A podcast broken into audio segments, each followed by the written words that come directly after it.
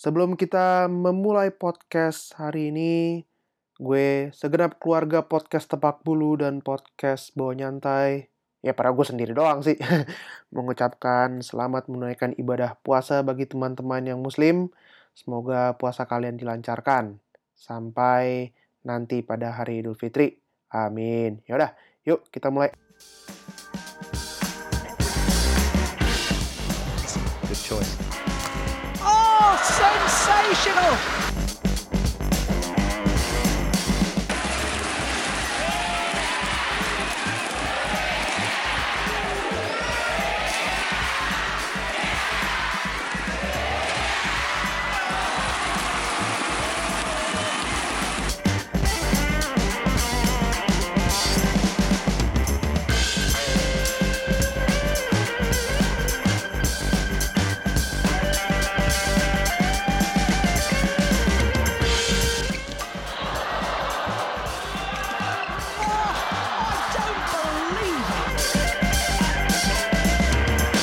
Assalamualaikum warahmatullahi wabarakatuh. Selamat datang kembali di podcast Tepak Bulu episode ke-17 tanggal 29 Mei 2019. Apa kabar semuanya? Semoga hari-hari kalian menyenangkan. Gimana kemarin Sudirman Cup? Senang? Sedih? Em, atau mixed feelings? Atau mungkin kalian punya pendapat pribadi soal Sudirman Cup ini. Momen-momen apa aja sih yang sebenarnya kalian apa ya, yang kalian ingat-ingat di Sudirman Cup tahun ini? Lalu kemudian apa ya? Kok gue bilang ya? Gimana tanggapan kalian soal kritik-kritik yang sudah bermunculan di berita-berita eh, beberapa hari belakangan ini? ini menjadi topik utama bahasan kita sih sebetulnya. Tapi sebetulnya di topik apa ya bukan topik di seg eh aku di segmen sorry ya Allah di episode hari ini kita akan ngebahas rekap balik soal Sudirman Cup kemudian kritik tajam yang didapat oleh PBSI maupun pemain-pemain kita serta di segmen terakhir itu ada segmen yang sudah gua luncurkan di episode sebelumnya yaitu Breakgen rubrik netizen. Asik. Ya udah. Tapi sebelum kita mulai episode hari ini atau sebelum kita masuk ke segmen pertama, gua ingin mengucapkan bela sungkawa atau turut turut berduka cita atas meninggalnya salah satu pemilik akun Twitter bulu tangkis di Indonesia yang istilahnya beliau sudah terkenal di banyak orang. Beliau ini yang juga dulu, beliau ini yang termasuk kritis terhadap perkembangan bulu tangkis kita. Beliau juga termasuk apa ya istilah, istilahnya bahkan dulu bisa dibilang beliau ini banyak komentar-komentar kontroversial juga eh, soal bulu tangkis Indonesia. Namun beliau ini adalah salah satu yang istilahnya menjadi panutan kami semua lah eh, di sini dalam hal apa dalam memandang perbulu tangkisan kita atau bahkan perbulu, perbulu tangkisan secara umum. Beliau adalah Mas Antonius Agustian.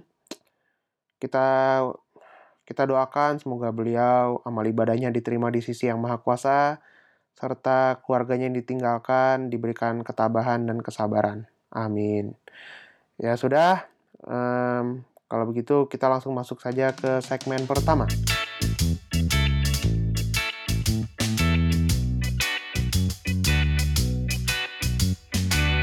Ya, di segmen pertama kita rekap kembali Sudirman Cup eh, kemarin dari tanggal 19 sampai 26 Mei 2019.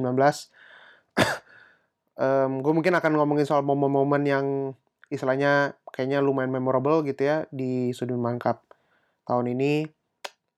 Sudirman Cup tahun ini seben- sebenarnya agak nyusahin dari segi jadwal. Mesti bangun pagi banget. Tapi kebu tapi kebetulan karena emang ini bulan puasa jadi kayak lebih mudah sebetulnya. Kalau kita lihat em, apa ya? Kalau kita lihat dari performa kita di Sudirman Cup ini sebetulnya tidak buruk-buruk amat. Kita dapat medali perunggu. Itu ya kalau dilihat dari progres sebetulnya termasuk suatu kemajuan. namun kita masih belum juara. Sayangnya begitu. Kalau kita bilang kalau kita bilang sebetulnya dari kritik-kritik yang sudah dilontarkan yang nanti akan kita bahas, kritik-kritik yang sudah banyak beredar di media massa, sektor turun, sektor tunggal kita lah yang istilahnya menjadi paling banyak disorot gitu. Meskipun kita dapat medali, namun karena sorotan yang besar ini kadang jadinya banyak banyak akhirnya orang-orang yang istilahnya juga mulai mengkritik keras karena kita nggak juara lagi. Padahal apa ya istilahnya? Padahal banyak orang yang sudah wanti-wanti sudah mengharap bahwa tahun ini menjadi tahun kita untuk mm, istilahnya memulangkan kembali Sudirman Cup ke tanah air kita setelah 30 tahun melalang buana di Cina dan Korea. Tapi kalau gue kalau gue kalau gue lah kalau gue boleh bilang Sudirman Cup ini paling seru sebetulnya dibanding Sudirman, Sudirman Cup kemarin. Gue ngeliat di grup kita sendiri itu kita satu grup sama Inggris sama Denmark. Gue tidak menyangka bahwa Inggris ternyata bisa ber, apa ya bisa benar-benar melakukan perlawanan sengit terhadap Denmark. Bahkan mereka menang 3-2 sebetulnya. Itu menjadi kemenangan pertama mereka atas Denmark dalam tim championship. Lu bisa bayangin aja coba. Inggris, coy. Dan wah itu betul-betul apa ya? Kalau, kalau boleh dibilang adalah salah satu kejutan terbesar. Karena biasanya Denmark itu kan kuat banget di Eropa tapi mereka bisa kalah sama Inggris. Itu emang luar biasa sih. Dan gue menyoroti banget, terutama di Inggris tuh pasangan Marcus Ellis sama Lauren Smith. Ini potensial banget. Mereka bisa jadi salah satu garda terdepannya ganda campuran Inggris untuk Olimpiade tahun depan. Ya, kita lihat saja progresnya seperti apa. Ini menyenangkan sekali bisa ngeliat ada pasangan ganda campuran dari Eropa yang istilahnya uh, exciting atau menarik untuk dilihat gitu. Nah, di Sudirman Cup 2019 ini juga sebetulnya bisa bisa dibilang menjadi ajang Sudirman Cup terakhir untuk tiga senior kita, yaitu Baba Hasan, Kohendra, sama uh, Kak Gel Gresia Poli. Karena umur mereka udah kepala tiga ya, 2019 ini dan 2021 ada kemungkinan mereka udah nggak ikut lagi gitu. Nah, kita masih bingung nih siapa penerus mereka gitu ya, karena gua rasa set, apa ya eh, sekarang ganda campuran setelah ditinggal Cibutet ya sampai sekarang masih belum terlalu stabil meskipun sudah mulai melaju ke final namun kita mas dari empat pasangan yang kita punya pasangan utama ya yang dari mulai dari uh, Ucok Melati, abis itu Owi Wini, abis itu Hafiz Gloria sama Rinov Pita itu sampai sekarang masih belum ada yang juara. Kecuali kemarin di finish International Circuit itu Rehan sama Fadia kalau nggak salah. Ya Rehan sama Fadia yang ada yang menang. Dan itu pun istilahnya di bawah super 100 taruhlah gitu. Jadi emang bisa dibilang kita sudah harus mulai mencari pengganti eh, Kagel, Babasan sama Kohendra untuk Sudirman Cup 2021. Ini penting banget. Mengingat pengen dong kita mulangin Sudirman Cup lagi kan ke rumah kita. Masa enggak sih? Ya kan? Lalu gimana sih dengan tim championships yang lain? Untuk tahun depan pastinya ada Thomas Uber Cup. Ini bakal jadi penting banget karena terakhir kita juara pun 2002 untuk Thomas dan tahun 96 untuk Uber Cup dan harusnya kalau udah mulai diseriusin kita kita sudah harus mulai mencari formulasi atau bahkan sudah mulai istilahnya mm, apa ya namanya mempersiapkan diri untuk Thomas Cup maupun Olimpiade tahun depan gitu. Tapi yang jelas ini benar-benar apa ya yang paling disorot itu adalah kritik tajam kepada sektor tunggal kita, baik tunggal putra maupun tunggal putri. Yang kalau kita lihat di istilahnya dari kombinasi pertandingan yang mereka udah mereka jalani ya gitu. Dari 8 pertandingan kita hanya menang dua kali. dan kita tuh cuma menang lawan Inggris doang dua-duanya. Selebihnya kita tunggal kita kalah semua gitu. Lawan Denmark tunggal kita dua-duanya kalah. Lawan Chinese Taipei gitu juga kalah dua-duanya tunggalnya. Lalu lawan Jepang kalah juga tunggalnya dua-duanya. Berarti dua kali menang, enam kali kalah. Dan itu betul-betul jadi sorotan utama gitu ya. Membuat, yang makanya yang jadi bikin gue bikin episode hari ini karena sorotan tajamnya ke ke situ gitu ke sektor ini sektor-sektor ini dan ini menjadi suatu istilahnya concern atau bisa dibilang kayak sebetulnya kita agak khawatir gitu karena kita sudah dari 2017 atau bahkan dari 2018 gitu ya istilahnya sudah mulai ada memasang ekspektasi kepada pemain-pemain ini untuk bisa uh, mulai tampil konsisten di level-level tinggi. Namun sampai sekarang kita masih belum mendapatkan itu. Begitu. Dan makanya tidak heran meskipun kita dapat medali perunggu di eh, Sudirman Cup tahun ini, tetapi kritik tidak lepas uh, dari dari legenda-legenda kita terutama gitu. Dari Pak Rudi Hartono maupun dari Mas Taufik Hidayat yang nanti kita akan bahas di segmen kedua soal kritiknya itu. Nah, dan apalagi ya kalau dari rekap Sudirman Cup yang gue tonton. Oh ya, kalau nggak salah Kanada juara grup 2 secara mengejutkan.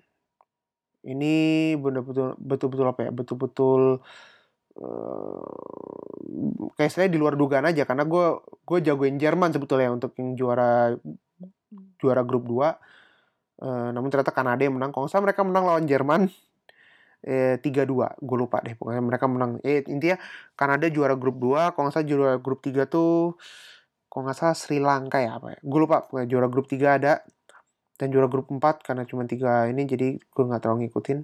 Tapi pada intinya adalah bahwa di Sudirman Cup ini lagi-lagi piala masih harus kembali ke Cina, bukan kembali ke Indonesia.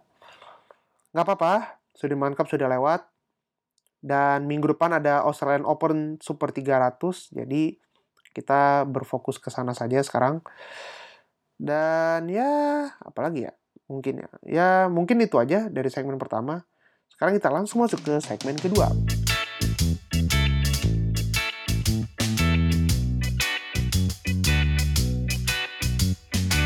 Oke, di segmen kedua kita bakal ngomongin soal kritik seputar apa ya, seputar Sudirman Cup, performa Indonesia di Sudirman Cup kemarin, terutama dari sudut pandang dua legenda kita yaitu Pak Rudi Hartono dan Mas Taufik Hidayat. Tapi gue mungkin sebelum ke situ, gue punya pendapat pribadi juga soal uh, performa tim kita gitu ya sebenarnya kita memiliki apa ya? Sebenarnya kita juara grup ya bersama apa di grup itu ada Denmark sama Inggris yang seperti tadi udah gue bilang di segmen pertama. Namun sepertinya kita mm, benar-benar tidak maksimal sama sekali gitu ya. Mungkin ada sedikit uh, pengaruh dari istilahnya dari apa ya dari um, aksi demonstrasi hari Rabu Minggu kemarin lebih tepatnya yang mungkin agak sedikit mempengaruhi psikologis pemain-pemain kita. Gue tidak tahu sama sekali apakah itu mempengaruhi mereka atau tidak. Tapi yang jelas meskipun kita lolos grup sebagai juara grup, meskipun kita sempat comeback setelah ketinggalan 2-1 dari Chinese Taipei, kita terseok-seok di semifinal lawan Jepang sebetulnya. Dan meskipun begitu berarti kan nggak cuman kayak run atau kayak ini aja performa kita aja yang jelek secara keseluruhan nggak. Pasti kan ada triggernya pasti ada ada yang istilahnya eh, titik di mana kenapa kok kita bisa seperti ini performanya gitu. Dan kalau melihat dari banyaknya pendapat atau dari teman-teman kita di Twitter um, ada tiga sektor yang sebetulnya menjadi sorotan kita. Sektor uh, tunggal putra, sektor, tung, sektor tunggal putri, dan sektor ganda campuran. Sekarang begini, kita lihat dari segi sektor ganda campuran dulu, yang sebetulnya yang menyelamatkan kita di perempat final kemarin melawan Chinese Taipei. Gue merasa bahwa sebetulnya eh, untuk sektor ganda campuran ini masih belum menemukan formula atau lebih tepatnya kayak masih belum bisa lepas dari pengaruh Cibutet. Kalau di kalau dipikir-pikir dulu sektor ini adalah satu-satu eh, sektor ini bisa dibilang menjadi penyu, udah pasti nyumbang poin. Terutama kalau misalnya Cibutet main, pasti kita nyumbang poin, pasti menang biasanya begitu kan. Namun kalau kita lihat dari pertandingan-pertandingan di Sudirman Cup ini justru kita lawan Inggris kalah lawan The Adcox ya. Terus pas lawan Denmark kita kalah juga. Um, lawan Matthias Christiansen sama Sarah Tuesen um, dan itu menjadi apa ya dan itu kayak jadi uh, gregetan juga karena dua pertandingan kita kalah di sektor ini belum pernah menang. Lalu pas ke perempat final akhirnya kita menang lawan uh, Chinese Taipei lewat Ucok sama Melati Meskipun begitu, ya berarti kan persentase kemenangan ada 33,33 persen. Um, kita nggak bisa bilang bahwa uh, sektor ini jelek, tapi kan mungkin karena kita cuma main tiga kali doang di turnamen ini, jadi kayak kita tidak bisa menilai jauh seberapa jelek, uh, seberapa bagus atau buruknya performa performa dari ganda campuran ini. Tapi yang jelas bahwa kita jadi tidak bisa mengandalkan sektor ini lagi untuk meraup poin gitu maksud gue. Nah, meskipun begitu tapi gue berharap bahwa mudah-mudahan sektor ini bisa mulai nanjak progresnya sampai olimpiade ntar. Tapi dua sektor yang lainnya ini, sektor tunggal putra dan sektor tunggal putri yang betul-betul istilahnya kayak kita nunjukin kok kita kayak kayak kalah kelas gitu sama lawan-lawan kita kalau boleh dibilang. Contoh misalnya kayak waktu lawan Inggris di tunggal putri. Georgie main sebetulnya bagus gitu. Tapi itu pun juga terkadang kita tidak bisa melepas dari eh, kita nggak bisa lepas dari uh, fakta bahwa lawan Georgie itu sebetulnya tidak begitu bagus. Abigail Holden gitu. Andai kan Georgie waktu itu lawannya kayak Chloe Berg, Berg, oh banget sih namanya, Chloe Berg, mungkin belum tentu kita bisa menang dua set langsung. Istilahnya begitu kan. Karena Kloiber termasuk pemain yang luma, pemain bagus di baik di sektor ganda putri maupun di sektor tunggal putri. Istilahnya begitulah. Dan ketika waktu lawan Denmark kita nurunin Fitriani gitu ya. Waktu itu Fitriani terakhir menang 2017 melawan Mia Blichfeld. Saat itu Mia Blichfeld masih belum sebagus sekarang. Dan Fitriani ketemu dengan Mia Blichfeld udah jadi kayak semacam kalah jauh kelasnya. Padahal dulu Fitriani adalah pemain yang bisa ngalahin dia istilahnya. Mia, Mia Blivet waktu itu kayak masih belum bagus sama sekali. Waktu itu kayak masih kayak mentah gitu lah istilahnya. Dan sekarang dia kalah sama Mia Blivet sebetulnya oke okay, gue bisa bilang kayak um, karena waktu itu pressure sedang ada di Denmark untuk bisa lolos juara grup dan wajar mungkin Mia Blichfeld emang punya motiv apa istilahnya kayak motivasinya terbakar dari situ sehingga dia bisa menang lawan kita. Tapi justru itu masalahnya adalah bahwa dari tunggal putri kita coba cuma bisa menang lawan Inggris bagi begitu juga dengan tunggal putra kita yang cuma bisa menang lawan Inggris sementara di pertandingan lainnya kita kalah semua. Yang tadi udah gue bilang kalau dicampur kita cuma menang satu dari empat pertandingan yang kita lakoni selama Sudirman Cup ini untuk setiap sektor tunggal. Dan sebetulnya kalau dirunut kembali apa ya eh, menurut obrolan gue sama Mas Malik Basri di PTB apa di episode spesial nomor satu kemarin kita menyorot soal ketahanan fisik terutama gitu karena eh, power sama endurance itu betul-betul saling berkorelasi dengan kemampuan teknikal gitu. Karena istilahnya kalau ngelihat dari tek dari segi teknik kita nggak jauh beda dengan yang lain gitu. Tapi power maupun fisik kita tuh kalah gitu. Kayak seperti yang beliau, beliau bilang di sini dan pengalaman mental dan dan dan uh, kekuatan fisiknya ya. Iya. Itu itu itu dua faktor ini itu sangat membedakan dan sangat menentukan kemenangan seseorang itu untuk memenangi setiap pertandingan ya. Oh, oke oke oke. Kayak gitu. Jadi bukan dari segi teknik aja. Teknik itu hanya beberapa persen. Ya mempengaruhi tapi nggak sebesar mental fokus. Kalau fokus itu menurut saya itu lebih ke stamina. Kalau stamina fit berarti kan bisa fokus lebih lama. Oh iya itu betul. satu paket. Betul betul. nggak betul. bisa dipisahin. Fokus sama stamina tuh nggak bisa dipisahin. Justru itu menurut saya itu adalah satu paket. Kalau kamu stamina-nya bagus, bisa fokus lebih lama. Aha. Stamina-nya jelek, ya nggak bisa fokus lebih lama. Kayak gitu kan. Ya, Gampangannya kan begitu.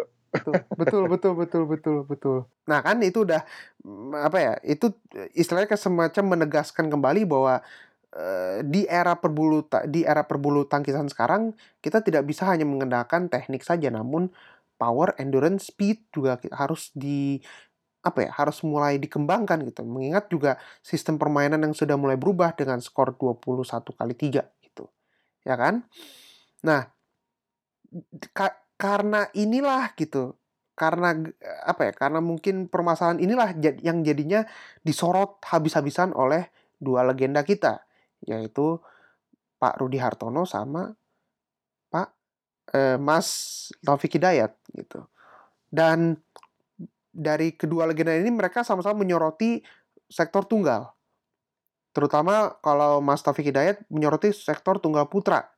Yang kalau beliau bilang sih di salah satu headline berita adalah bahwa ganti saja pelatih fisiknya. Atau istilahnya kayak dulu beliau sempat berkomentar kayak soal program program latihan yang itu itu saja gitu terhadap sektor tunggal eh, ini gitu. Sementara kalau menurut Pak Bapak Rudi Hartono gitu ya, ini permasalahan tidak hanya di sektor tunggal saja gitu, namun juga eh, di PBSI sendiri yang sepertinya istilahnya terlalu banyak memberikan kesempatan kepada pemain-pemain yang tidak tahu diri gitu istilahnya begitu. Jujur aja sebetulnya ini kritik yang sangat keras terhadap PBSI maupun terhadap pemain-pemain ini yang istilahnya gagal hmm, apa ya gagal mencapai performa terbaik mereka di turnamen ini gitu. Dan kalau melihat kalau runut kembali dari yang tadi udah kita bahas bahwa Sudirman Cup kita ba- sampai sekarang masih belum bisa berhasil memulangkan piala itu ke rumah kita kembali se- selama 30 tahun lebih. Begitu juga dengan Thomas Cup yang terakhir kita juara 2002 dan Uber Cup itu tahun 96 terakhir. Jadi emang eh, tidak apa ya kayak wajar saja kritik ini keluar lagi gitu. Permasalahannya selalu kayak ya ganti saja ininya eh, pelatih fisiknya fisiknya atau kayak tolonglah program apa namanya program latihannya lebih di ini lagi gitu. Apa yang menurut gua gua seba, gua pribadi sebagai o- orang yang menonton ya gua hanya bisa mengiyakan saja atau gua bisa gue mungkin bisa lebih kritis sedikit soal kayak bagaimana sih sebetulnya em, dengan berkembangnya teknologi maupun apa ya maupun dunia perbulu tangkisan sekarang yang hampir sudah tidak ada negara yang mampu dominan di seluruh sektor gitu. Kalau kalian kalau kalau kita lihat kembali gitu ya. Kayak sekarang contoh sektor tunggal putra sekarang gonta-ganti aja tuh istilahnya em, siapa aja yang kuat gitu. Kayak kayak Kento Momota bahkan kemarin kalah kan sama si Uchi istilahnya. Meskipun dia masih di posisi pertama, tapi si Uchi juga mulai bagus gitu. Artinya Jepang, Cina, terus ada juga Victor Axelsen dari Denmark, lalu Chao Tianchen dari Chinese Taipei, lalu kita juga punya eh, Korea masih ada Son Van Ho, habis itu Indonesia kita masih punya Anthony Ginting maupun Jojo yang emang masih belum konsisten. Di tunggal putra aja sudah mulai banyak persaingan. Lalu di tunggal putri saja ada Tai Tzu-ying, ada Pusarla Sindu, ada Saina Nehwal, ada Carolina Marin yang sekarang lagi cedera, lalu kemudian ada Mia Blichfeld yang lagi naik, bahkan Korea yang eh, Korea pun sudah mulai punya pemain muda yang bagus banget, ada An Se-young yang sebetulnya benar-benar dadakan menggantikan Sung Ji-hyun, namun ternyata di luar dugaan dia berhasil menunjukkan performa terbaik dia di turnamen ini gitu. Dan masih banyak sektor lain yang sudah ada sudah tidak ada dominasi negara satu negara gitu di sa- sa- di satu sektor atau bahkan di semua sektor gitu. Dan gua rasa bahwa kritik yang dilontarkan ini sebetulnya apa ya tidak hanya berpaku kepada bahwa kita harus menang, kita harus menang. Enggak gitu. Mungkin kritik yang bisa kita ambil dari sini bahwa ternyata kalau kita mau menjadi negara besar di bulu tangkis ini ya pembenahan besar-besaran menurut Koh, Koh menurut Bapak Rudi Rudi Hartono perlu gitu. Rombak atau bahkan sikat saja pemain yang tidak mau atau bahkan istilahnya pemain yang gagal terus gitu istilahnya. Dan sebetulnya gue kalau ngelihat setuju atau tidak setuju ya oke lah setuju lah gitu. gue bahkan sempat berpikir bahwa oh ya sudah kalau emang misalnya mau sikat-sikat begitu aja gitu ya ya udah pakai sistem lotre aja gitu kayak macam di Inggris. Contoh misalnya kayak untuk Olimpiade, Olimpiade nggak dapat dua emas potong ya gitu eh, anggarannya gitu. Dari KONI misalnya ternyata potong ya anggarannya atau kayak putus ya salah satu apa kontrak sponsor gitu. Jadi biar ada efek jerah lah gitu lah. Kalau mau bisa aja begitu tapi ya itu kan semua sudah diatur kembali oleh PBSI bagaimana mereka hmm, apa ya bagaimana mereka mengkurasi atau istilahnya kayak mengatur program mereka untuk bisa eh, untuk bisa sukses di turnamen-turnamen eh, seperti Indonesia Open yang nanti akan diadakan bulan Juli atau World Championship di Basel pada bulan Agustus atau bahkan untuk Olimpiade 2020 karena karena ya siapa sih nggak mau menang gitu siapa sih nggak mau berusaha gitu ya kan? Dan sebenarnya kalau ngelihat dari kritik-kritik ini gue sebagai penonton sebagai penonton gue cuma bisa ya balik lagi tadi gue cuma bisa mengiyakan. Tetapi ya eh, semua itu akan kembali lagi ke si pemain gitu. Ya kalau emang pemainnya nggak mau ya berarti itu salah dia gitu. Kalau pemainnya mau pemainnya berusaha ya berarti ya kita dukung aja gitu kita back kita back mereka 100% gitu istilahnya. Apa namanya yo eh, lo udah di backup nih 100% gitu ya. Eh, berarti ya pemain tinggal resiprok atau pemain tinggal ngasih eh, istilahnya kayak eh, performa yang bagus aja ke kita gitu. Kayak juara kayak atau kayak konsisten gitu yang penting. Karena eh, sebenarnya kata kuncinya konsistennya ini loh yang masih belum bisa dapat terutama di sektor tunggal ini gitu. Dan gue berharap sebetulnya adalah bahwa kita terus berkembang gitu. Gue nggak mau eh, istilahnya gue pribadi sendiri eh, tidak ingin apa namanya kita tuh stuck di situ-situ aja gitu. Artinya kayak karena terjebak dengan nama besar kita terus kita jadi ya nggak berkembang gitu. Karena kita udah mulai dibalap sama Thailand Chinese Taipei Denmark bahkan Inggris eh, dan negara-negara lain sudah mulai memben apa ya berbenah soal bulu tangkis mereka juga gitu jadi kayak ya kita pengennya adalah eh, sebisa mungkin kita tetap di atas gitu loh. Siapa sih nggak mau pengen di atas gitu? Puncak dingin enak coy, ya kan? eh ya gitulah paling. Ya di segmen dua ini lebih masih lebih banyak ngomong soal Sudir- Sudirman Cup atau kayak kritik. Tapi gue mungkin apa ya untuk menutup segmen dua ini kayak gue cuma bisa bilang bahwa em, ya harapan kita adalah semoga kita tidak dikecewakan lagi.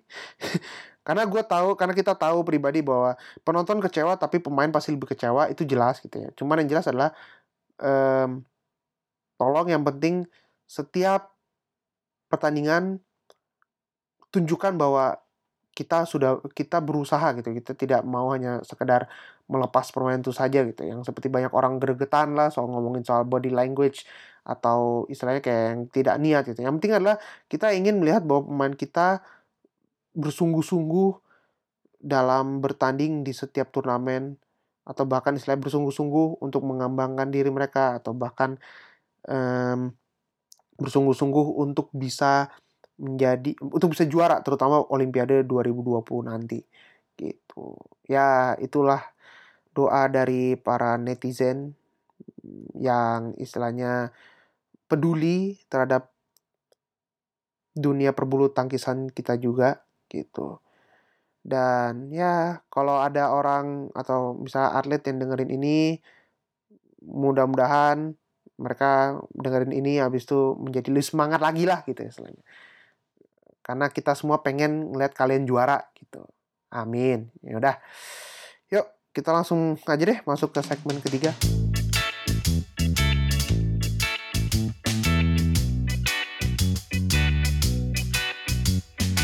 Di segmen ketiga hari ini akan kita buka yaitu Brigjen, rubrik netizen. Nah, hari ini kita sudah mendapatkan apa ya?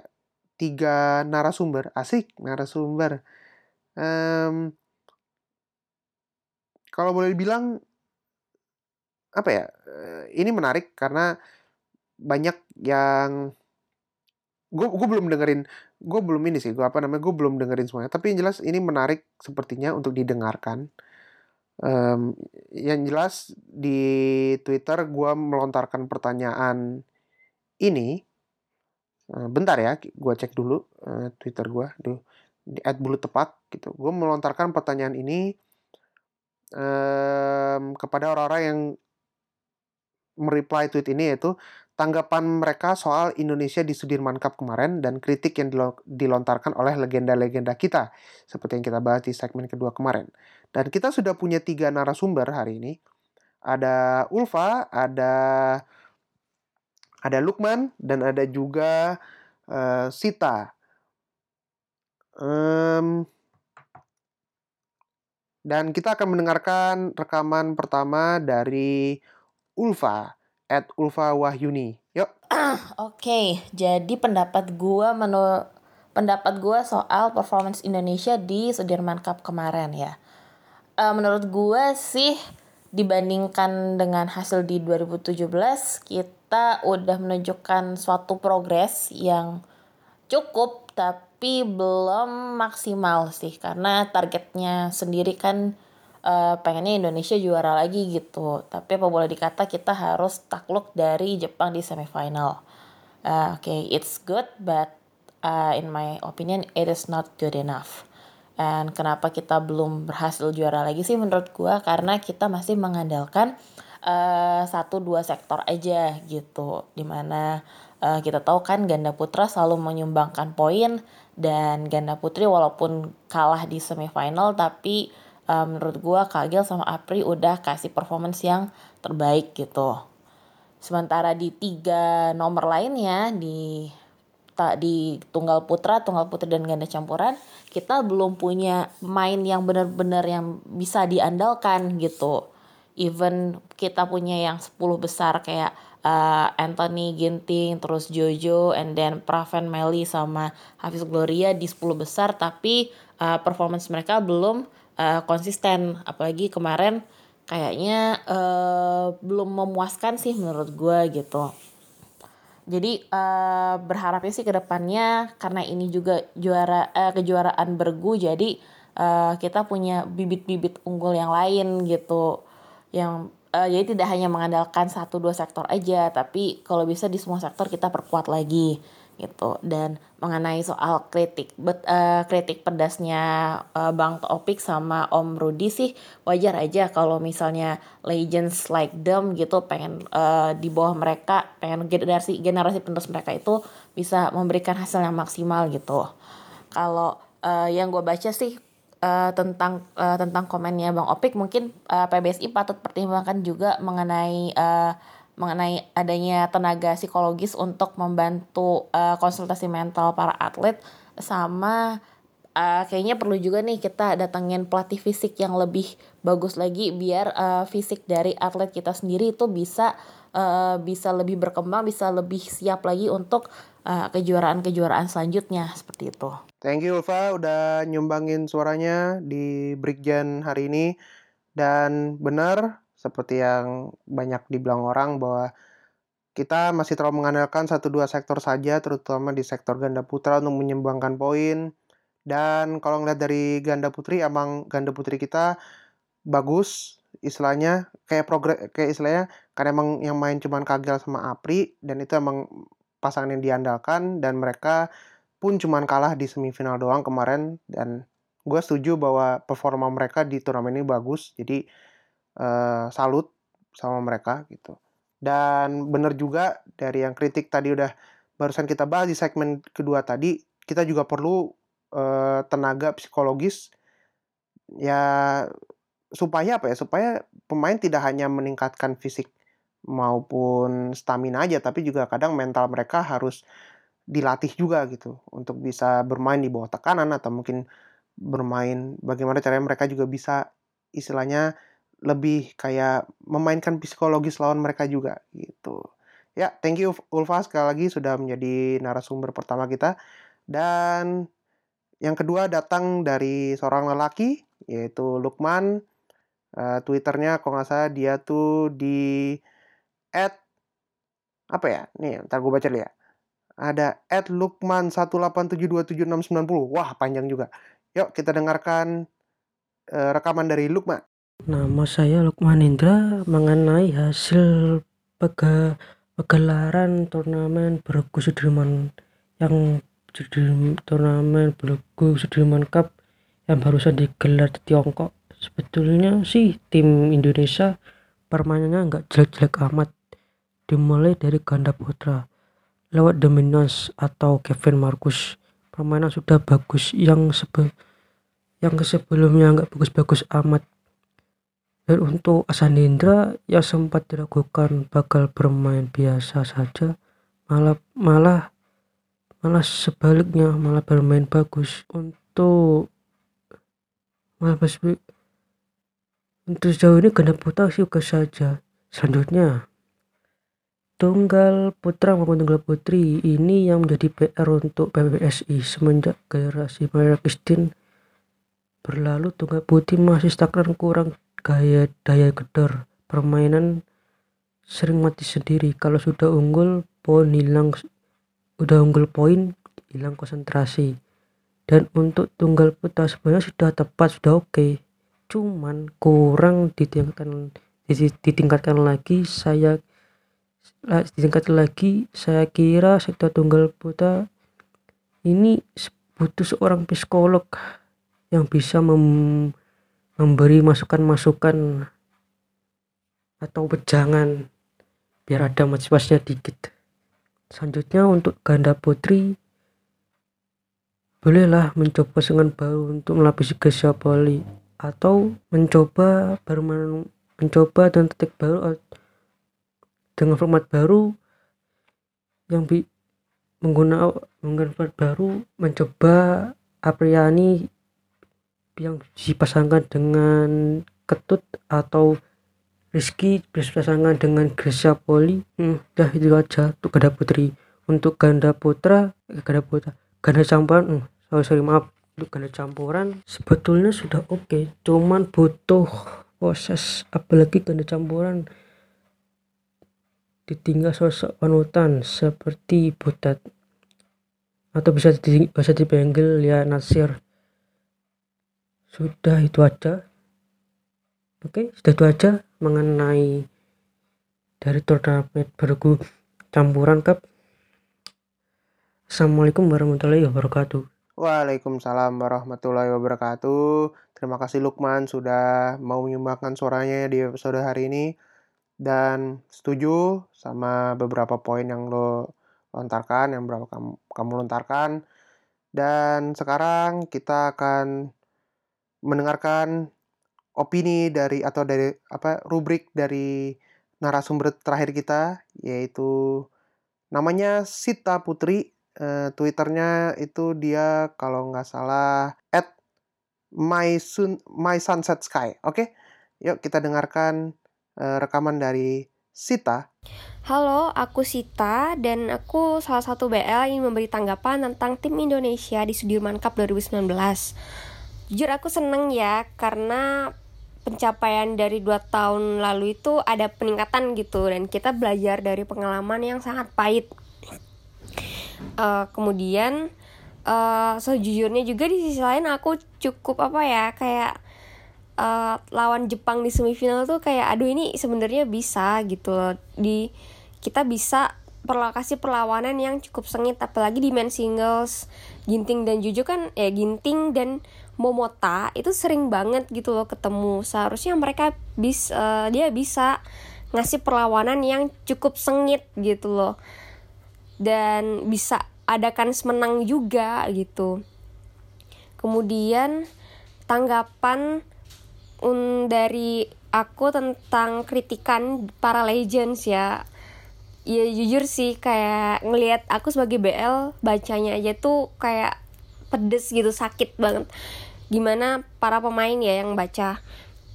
Sebenarnya ada benernya juga gitu. Kalau misalnya uh, itu tuh harus dari diri sendiri gitu. Kayak yang dibilang sama uh, Koh Rudi Hartono itu harus dari diri pemain sendiri. Cuma um, agak gimana gitu ketika memberikan kritik tapi uh, ya mereka tidak memberi memberikan kontribusi apa-apa secara langsung. Ya kita nggak tahu ya di belakang mereka memberikan kontribusi bentuk yang tak terlihat gitu apa pun itu misalnya finansial. Tapi ya kalau misalnya hanya kritik pun dan tidak memberikan kontribusi secara langsung juga agak gimana gitu ya. Karena kan kita lihat sendiri di di China itu banyak banget ya legends mereka yang pernah sekalipun duduk di bangku pelatih gitu. Kayak Si Sing Fang uh, kemudian Zhang Ning juga pernah kayak gitu ya itu aja sih tanggapan dari aku intinya semoga nggak hanya kritik belaka yang ditujukan, tetapi juga ada kontribusi langsung dari para, para legends ini gitu. Terima kasih. Ya, terima kasih Sita sudah menyumbangkan suaranya di podcast hari ini. Betul banget. Um, gue setuju bahwa sebetulnya Anthony Ginting atau kita sebutnya Ginting harusnya bisa memberikan perlawanan lebih bahkan kans menangnya gede. Gue ngeliatnya sih waktu yang kemarin lawan Jepang lewat highlight sih. Gue nanti paling nonton lagi lah gitu. Mungkin uh, sebelum gue nanti kuliah. Hmm, gue rasa sebetulnya yang penting adalah pemain-pemain kita terutama tunggal putranya ini harus sudah mulai bisa konsisten gitu. Minimal masuk semifinal lah gitu setiap turnamen yang mereka ikuti jadi ada progres jelas gitu menuju apa untuk build upnya menuju Olimpiade 2020 nanti. Um, soal kritikan, gue setuju juga. Meskipun pedes, tapi kita kan kembali lagi yang tadi udah dibahas bahwa uh, kita tidak tahu di balik layarnya tuh seperti apa gitu. Apakah mereka um, apa ya memberikan kontribusi secara langsung maupun tidak langsung atau mungkin uh, kritik ini yang keluar di media hanya semata-mata apa ya supaya kita juga tahu um, bahwa kita udah haus akan apa ya akan juara gitu terutama di tim championship gitu. Ya um, dari ketiga narasumber tadi dari Ulfa, Lukman dan Sita gue ucapkan terima kasih buat kalian yang sudah mengirimkan um, rekamannya ke gue dan buat teman-teman juga yang mendengarkan podcast ini, jangan lupa subscribe, jangan lupa di follow. Podcast Sepak Bulu ada di Spotify, di Apple Podcast, di Google Podcast, ada juga di Anchor. Um, bisa dicari aja, ketik podcast Tepak Bulu. Dan jangan lupa follow Twitternya at bulu tepak dan juga follow juga Instagramnya biar agak ramean dikit at tepak bulu dan kalau mau ada kritik saran bisa kirim email ke podcast.tepakbulu@gmail.com. Um, biasanya udah gue taruh di deskripsi juga di Twitter maupun di Instagram. Dan terima kasih sudah mendengar, mendengarkan episode 17 podcast Tepak Bulu hari ini. Semoga hari-hari kami menyenangkan. Dan sampai jumpa di episode berikutnya. Dadah.